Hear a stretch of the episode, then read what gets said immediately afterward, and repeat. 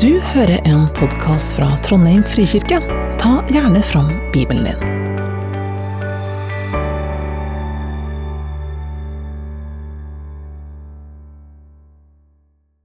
Godt å lese dagens tekst for oss.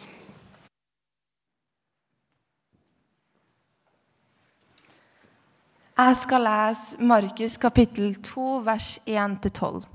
La oss høre Guds ord. Noen dager senere kom Jesus igjen til Kapernaum, og det ble kjent at han var hjemme. De samla seg så mange at de ikke fikk plass, ikke engang utenfor døra. Mens han forsynte ordet, for dem kom de til han med en som var lam.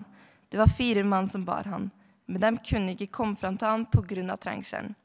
Derfor brøt de opp taket over stedet der han var, laga en åpning og fyrte ned båra som lammet lå på. Da Jesus så deres tro, sa han til den lamme, Sønn, syndene dine er tilgitt. Nå satt det noen skriftlærde der, og de tenkte med seg selv. Hvordan kan han si slikt? Han spotter Gud. Hvem andre kan tilgi syndere enn det er Gud? Straks visste Jesus i sin ånd at de tenkte slik, og han sa til dem. Hvorfor går dere med slike tanker i hjertet? Hva er lettest å si til en lamme, syndene dine er tilgitt, eller stå opp og ta båren din og gå? Men for at dere skal vite at menneskesønnen har makt på jorden til å tilgi synder, og nå vender han seg til den lamme. Jeg sier deg, stå opp, ta båren din og gå hjem.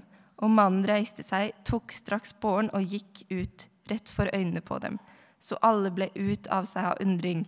De priste Gud og sa, noe slikt har vi aldri sett. Slik lyder Herrens ord.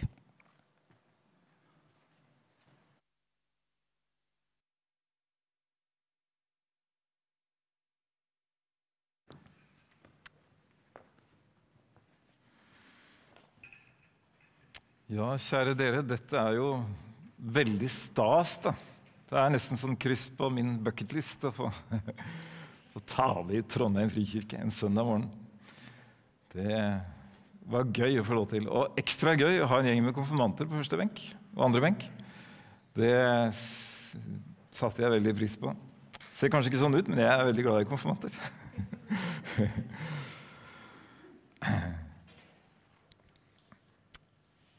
Da jeg forberedte meg til denne talen og dette temaet, da, eh, inderlig medfølelse, så eh, kom jeg på eh, Det er ganske mange år siden nå, men jeg, jeg eh, drev og gjorde noe så heltemodig som å rive og bygge om den gamle utedoen på hytta vår ved Kragerø. Eh, ikke spesielt eh, hyggelig og appetittlig arbeid, og det var drittvær. Trondheimsvær. Eh, og, eh, og, så satt det da en liten eh, nabojente på 27 år som satt og så på meg. Og så kommer det fra min lille beundrerinne. Du er en skikkelig mann, du! Som ofrer livet ditt for familien.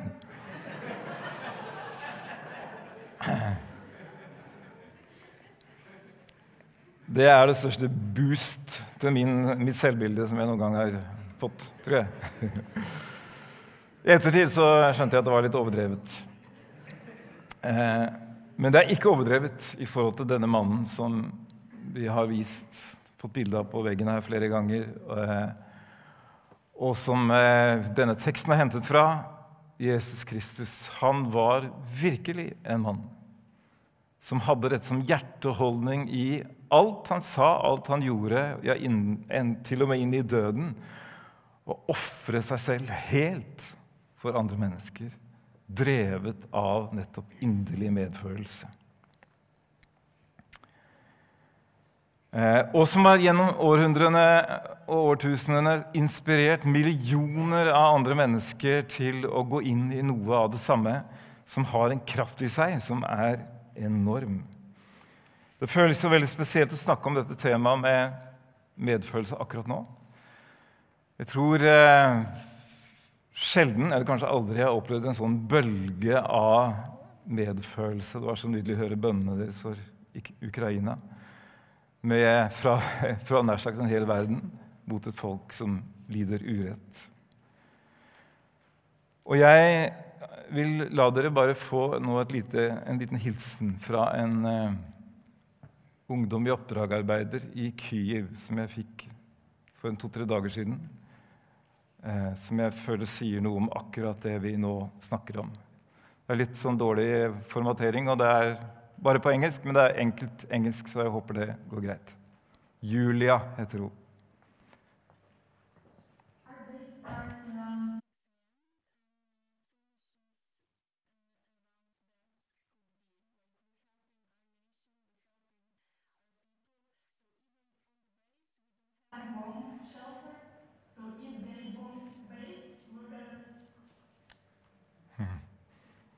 Det er sterkt. Um, og jeg tenker at denne, dette er noe mer enn vanlig sympati, vanlig patriotisme for et folk. Det er noe stort, himmelsk, guddommelig som løfter disse menneskene inn i en fred eh, og et ønske om å hjelpe folket sitt, om det så skal koste livet. Og jeg skal komme litt tilbake til det. Eh, når vi leser Bibelen, og ikke minst Det gamle testamentet, så, så, er det ikke alltid vi må være ærlige på det, det er ikke alltid vi får like godt øye på dette med Guds medfølelse og barmhjertighet. Jeg opplever, tenker noen ganger at det er litt sånn som å se mot himmelen en, eh, når du er i Trondheim, det er sagt, hvor det er, liksom skifter hele tida. Eh, og hvor det er, innimellom er det grått. Du, ser, du bare vet at det er ei sol der, for ellers hadde du ikke sett noen ting. Men så sprekker skyene, og så, sånn som det er ute akkurat nå, så er det blå himmel og sol, og så får vi et glimt inn i kjernen av hvem Gud er. Og det gjør vi særlig gjennom Jesus Kristus. Og jeg synes Det er veldig spennende og artig at dere har valgt å følge hele denne serien The Chosen. Eh, og får en rikelig anledning til å få mange gode glimt eh, på en levende måte i hvem denne personen er, og hvordan han lever ut dette med inderlig medfølelse. Som i disse to Det er særlig to scener i denne, scenen, eh, denne episoden for i dag som, eh, som eh, i alle fall berører meg veldig sterkt. En har vi hørt lest om denne, spedalsk, nei, denne lammet som ble firt ned gjennom taket. Tenk hvis det skjedde her nå. Plutselig begynte å drøsse murstein og støv og greier. Hva var det første du hadde tenkt på? Og så kommer det en person ned på, på en eller annen bæregreie. Opp med telefonen, ring 112. Dette er hærverk. Dette finner vi oss ikke i. Dette går ikke an. Men Jesus' sin reaksjon er altså trekke seg tilbake, gi plass. Denne personen trenger meg akkurat nå. Og det andre var i starten på denne episoden hvor de møter denne spedalske. ikke sant? Eh, som, eh, og Du ser frykten og engstelsen hos de andre disiplene. Eh, 'Jesus, hva er det du finner på? Dette er jo livsfarlig!' Nå må du tenke deg om her. Du kan ikke bare blåse i alt som heter smittevern. og sånne ting. Vi er jo her, vi òg. Vi kan bli sjuke. Og så bryr ikke Jesus seg om smittevern akkurat der. Det er noe inni han som overstyrer alt, og det er hans inderlige medfølelse med dette mennesket. Så går han bort, legger han hendene på ham, det man absolutt ikke skal gjøre på en spedalsk, og ber troens helbredende bønn over ham.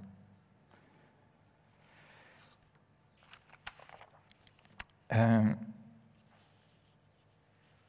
jeg er ikke av de som faller veldig sånn pladask for eh, predikanter som stadig skal trekke fram greske og hebraiske ord. Men i dag gjør jeg det også. Eh, et par ord som jeg tenker er litt viktige for å forstå hva dette begrepet handler om. Eh, det greske ordet som stort sett er oversatt med medfølelse eller inderlig medfølelse, er dette splagkjenon. Det betegner menneskets indre organer, altså de vitale organer, hjerte, lunge, nyre, lever osv. Eh, og sånn som grekerne forsto det, så var det der personligheten satt. Og det dette handler om, er at hele ens indre settes i bevegelse og driver personen til handling. Det er det som skjer med Jesus. Jeg tenker Det var det som skjedde med Julia, som vi så på denne videoen. Hele ens indre settes i bevegelse og driver til handling. Nær sagt uten hensyn til egen sikkerhet og komfort. Det andre er også det hebraiske, som eh, vanligvis da i Det gamle testamentet er oversatt med barmhjertighet eller miskunn, som er ordet raham. Og Jeg syns det var utrolig vakkert da jeg først hørte hva det ordet raham kommer av, og det er også livmor. Assosiasjonen blir da helt umiddelbart. Denne følelsen, eller denne hjerteholdningen, er den samme som en mor har for barnet i sin mage. Vi mannfolk eh, er litt begrensa i å skjønne det der. Men jeg ser at det er en del mødre som skjønner hva jeg snakker om. Er ikke det vakkert? Jeg må innrømme, jeg tenker vel egentlig at vi med dette begrepet er i kontakt med kanskje noe av det ypperste av de feminine kvalitetene ved Bibelens Gud. Men det betyr ikke at ikke vi menn også skal strekke oss etter å leve i det samme og kan ha og erfare akkurat det samme. Hva er det som kan hindre oss i å leve i å bevege oss mer og mer inn i dette med inderlig medfølelse. Kona mi har i ganske mange år jobba med eh, en del temaretriter og seminarer konferanser rundt omkring om et tema som vi har kalt for Guds farshjerte. Vi har på en måte ikke funnet noe bedre navn på det. Siden det glapp litt nå under kunngjøringen, så tar jeg det nå. Ja. Er det greit? Eh, jeg skulle få lov til å si litt om disse retreatene som vi har på Lia gård hvert år, bl.a. i eh, Kristi himmelfartshelga 25.-29. mai. Se, der kom det opp. Um, og Det vi gjør der, er at vi hjelper mennesker som har vært, gjerne vært troende i mange år, mange av de, eh, til å klare å, til, til å, være i en prosess hvor en får, får eh, jobbe litt med dette med gudsbilder. Og Da skiller vi ofte mellom det indre og det ytre gudsbildene. De ytre gudsbildene er det vi kognitivt har lært, altså teologi, bibelkunnskap, informasjon eh, Som vi lærer fra søndagsskolen oppover. ikke sant? Eh, de indre gudsbildene er det som eh, handler om mer om hva jeg føler egentlig, når jeg er helt ærlig om Gud. Når jeg ber aleine. Hva er mitt inntrykk av Gud? Hva er min hva er det som møter meg? Mer sånn på det emosjonelle plan, gjerne, i møte med Gud. Og Det har vært veldig sterkt å lytte til et stort antall historier om barndom som var prega av kulde, avstand, fjerne fedre og mødre. Ikke bare det, selvfølgelig, men det har vært mange mange, mange sånne historier. Uberegnelige fedre, mødre, som har lagt et slags sånn filter eller en slags mørk sky foran øynene i forhold til hvordan vi ser og opplever og erfarer Gud. Og Det har vært også veldig sterkt å få gå gjennom en prosess med mange mange, mange, mange mennesker og, opp, og se hva som skjer når man oppdager at Gud er så annerledes enn det jordiske mødre og fedre klarer å formidle. Selv de aller beste og nydeligste foreldre klarer ikke helt å gi oss det bildet av hvem Gud virkelig er. I hans barmhjertighet, i hans godhet imot oss, i hans inderlige medfølelse og hans indre som settes i bevegelse for å komme deg i møte hver gang du kommer til ham. Det kan ta sin tid, men det kan være veldig nyttig å ta noen prosesser rundt dette. Velkommen hvis noen har mulighet til å være med oss. Det er et fantastisk sted i tillegg. Og det å være både i stillhet og i, med Guds ord og sånn noen dager, det kan gjøre veldig mye. En annen hindring vi møter, er travelhet og det vi kan kalle medieslaveri. Jeg vil tippe at navnet John Mark Comer har vært nevnt fra denne talerstolen før. Kan det stemme? Dere har i hvert fall én pastor som er blodfan. Ingebrigt har i hvert fall snakka på utpust og innpust til meg om John Mark Comer. Og jeg har lest uh, denne boka uh, hans 'The Ruthless Elimination of Hurry'. Uh, og Der er han særlig opptatt av at hvis vi skal være disipler av Jesus, så holder det ikke bare å høre hva han sa, men også å tørre å leve som han gjorde. Så langt vi kan. også i dette at Jesus hadde tid for mennesker. Um, og det at han hele tida, sånn som med disse to eksemplene vi har hatt i denne episoden, lar seg distrahere bort fra det han holder på med, og er helt fokus, fokusert på den personen som er foran, og som trenger hans hjelp. Det er ikke sånn at Ops, nå er klokka fem på tre. gitt, nå må jeg, vi må stikke. Jeg møter i Kapernaum begynner om 20 minutter. Eller jeg må bare svare på den meldinga først, eller poste det på Facebook, eller jeg må rekke bussen. Sorry, det går ikke nå. Det var ikke sånn samfunnet var. De hadde tid til å la seg avbryte, la seg distrahere av mennesker som trengte dem. Jeg skal ikke si at jeg er veldig god på dette, på ingen måte, men jeg har i alle fall prøvd meg litt på det i, forhold til det at jeg når jeg skal på jobb i kirka mi der jeg jobber. Jeg jobber også litt som pastor i, i Toten frikirke. Har gjort det i altfor mange år. Men eh, jeg har gangavstand til kirka, sånn at jeg går som oftest. Eh, det som kan være utfordrende, er at jeg har noen særdeles snakkesalige naboer. Og utfordringen med å bo på Toten er i tillegg det at det er ikke bare det at de liker å tale, men de taler så seint, samme.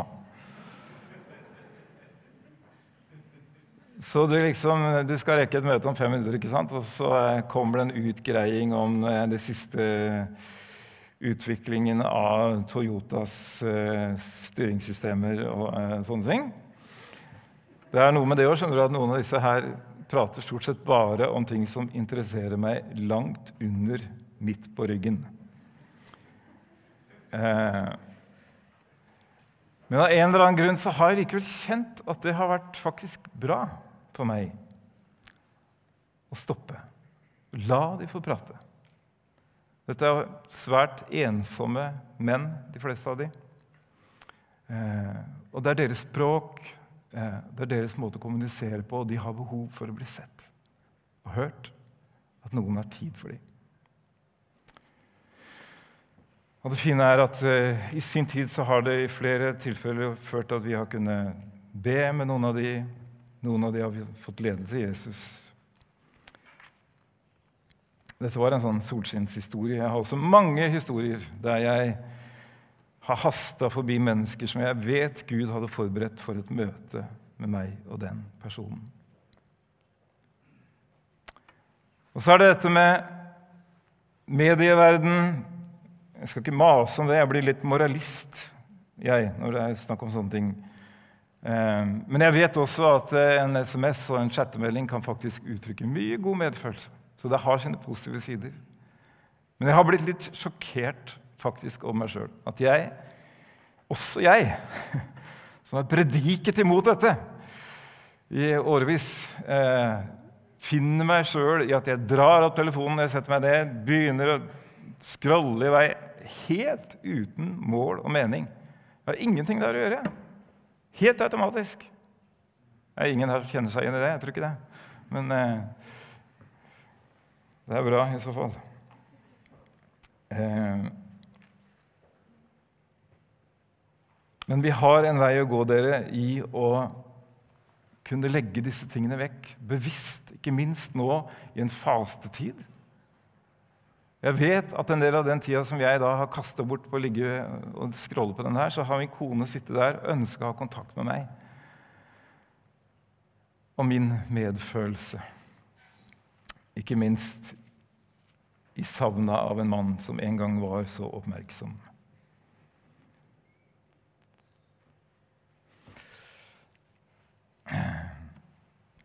Og så er det en tredje hindring, og det er en frykt som mange av oss kan gå og bære på i det å bli fanga i bunnløse behov. Det er sånn, jeg tror Ganske mange norske kristne har fått en, nesten en overdose empati i vår gave. Vi er veldig idealistiske.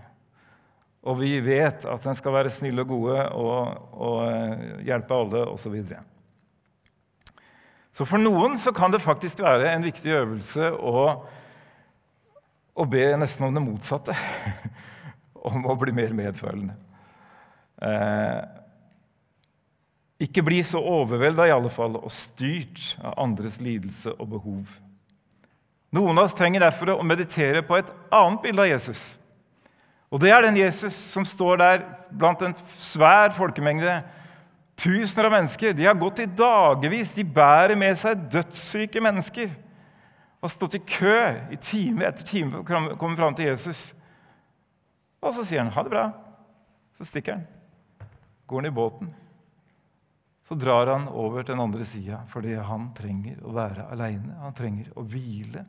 Han trenger å spise. Han trenger å få tid med sin egen, sin himmelske far. Så hvordan klarer vi å balansere dette? Fastetid er altså som sagt en tid for gode øvelser. Eh, og Jeg vet ikke om eh, denne øvelsen funker for deg, men jeg har en øvelse som jeg tenker både kan funke for de av oss som trenger å bli mer empatiske, og øve oss i innlevelse, og det gjelder oss som eh, trenger å sette grenser. Og det er denne.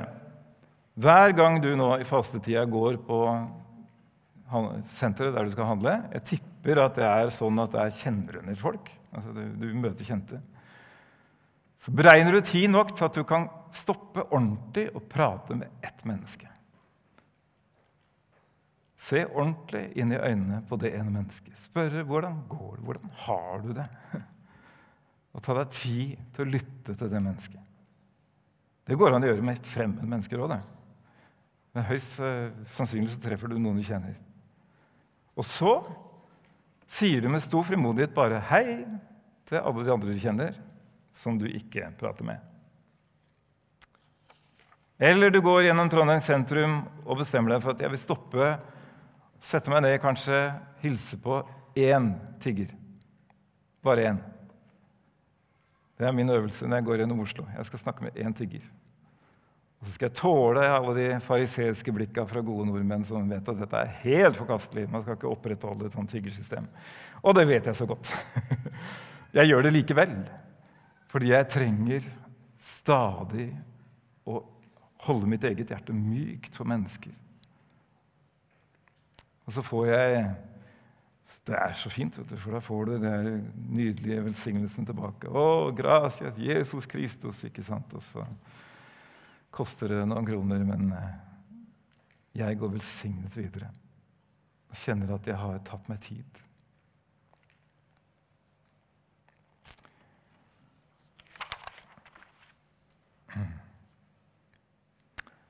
Hele vår vandring som kristne handler om én ting, og det er å bli mer og mer forent med Jesus Kristus. Målet med vår vandring, sier Johannes bl.a. i et av sine brev, er at vi skal bli han lik. Vi skal ligne mer og mer på Jesus. Da kan du gjerne få opp uh, disse bibelversene jeg hadde der igjen. Det er et vers som jeg er veldig, veldig glad i, og dette handler om noe så håndgripelig og synlig og fysisk som vår egen dåp. Og Paulus sier at alle dere som har blitt døpt til Kristus, har blitt kledd i Kristus Jesus. Jeg har vært mye mange turer i Etiopia og har hatt forskjellige tjenesteoppgaver der. Konferanser og pastorkurs og sånne ting.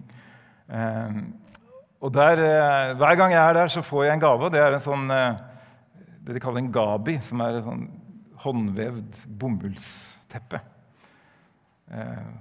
Så jeg har en sånn stabel i skapet og lurte veldig på hva skal jeg bruke disse til.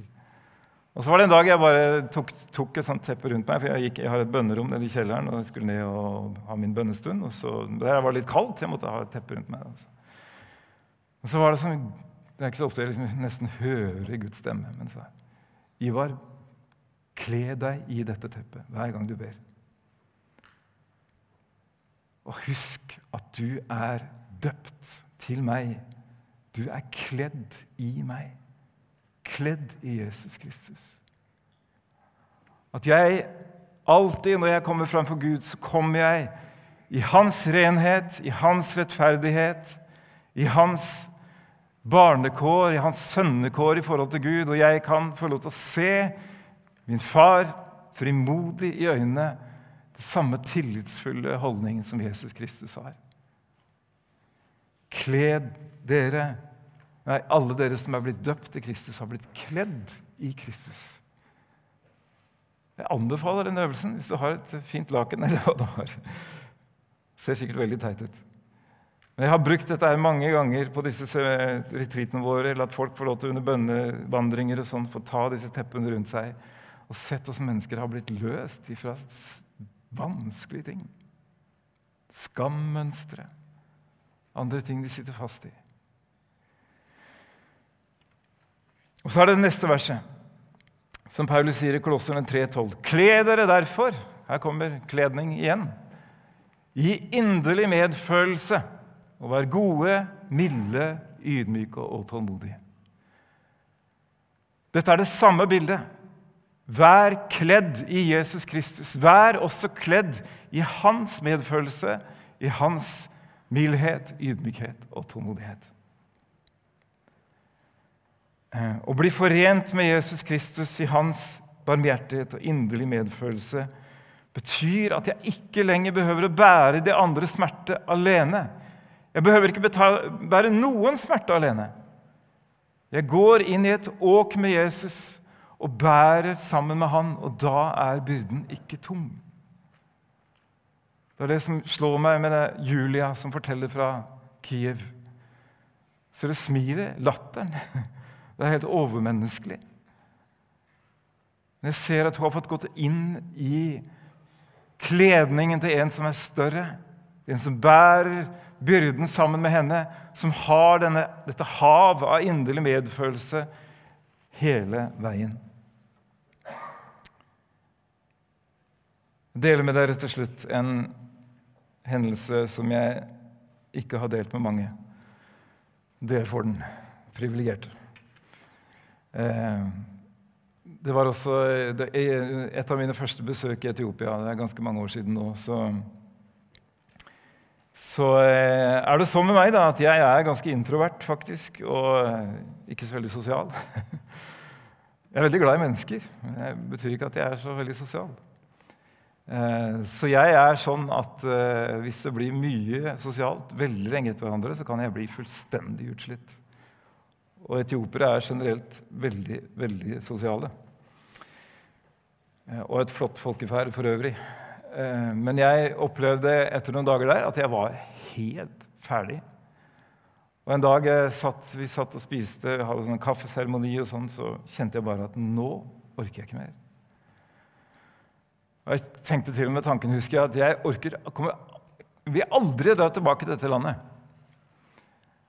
Eh, men så så jeg med et snitt å stikke unna, og så tenkte jeg jeg får gå inn i kirka der borte, for der er det sikkert ikke noe folk. Der kan jeg kanskje være aleine litt. Så gikk jeg inn i kirka, satte meg ned og pusta ut, bare for å oppdage at jeg var ikke aleine der heller. Og rett bortafor meg så satt det ei dame på gulvet. Hun kunne ikke gå. Skitne, fillete klær, lukta vondt. Satt og spiste noe søl av noe mat som noen hadde lagt ned på gulvet foran henne. Og så var det den opplevelsen som jeg tror mange av dere har opplevd. hele ens indre settes i bevegelse. Du klarer ikke annet enn å bry deg. Så gikk jeg bort og så la jeg armene rundt denne dama og ba for henne.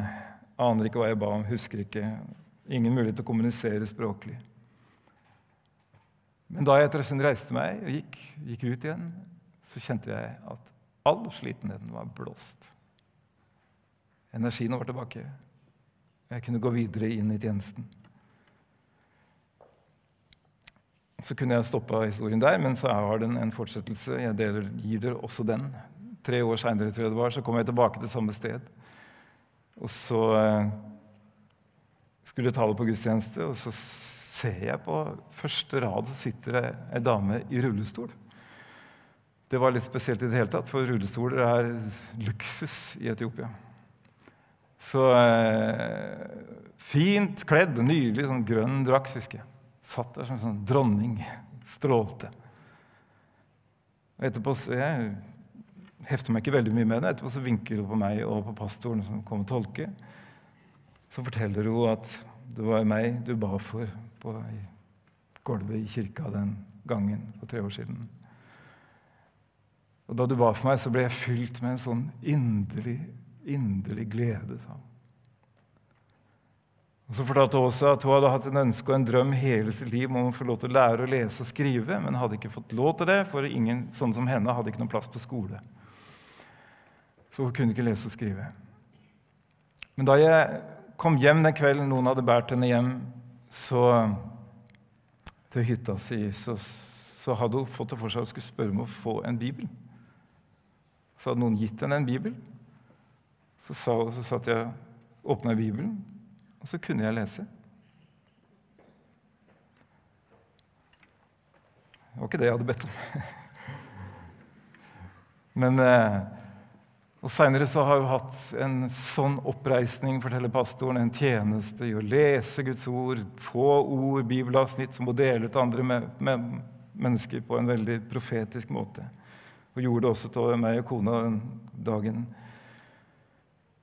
Og Så deler jeg dette bare fordi, sammen med dette vitnesbyrdet til Julia, å si at det å strekke seg etter å leve i inderlig medfølelse sammen med Jesus, det er stort. Det er ikke tungt. Og det kan gi resultater i menneskers liv som vi ikke har kontroll på. Kle dere derfor i inderlig medfølelse. Amen.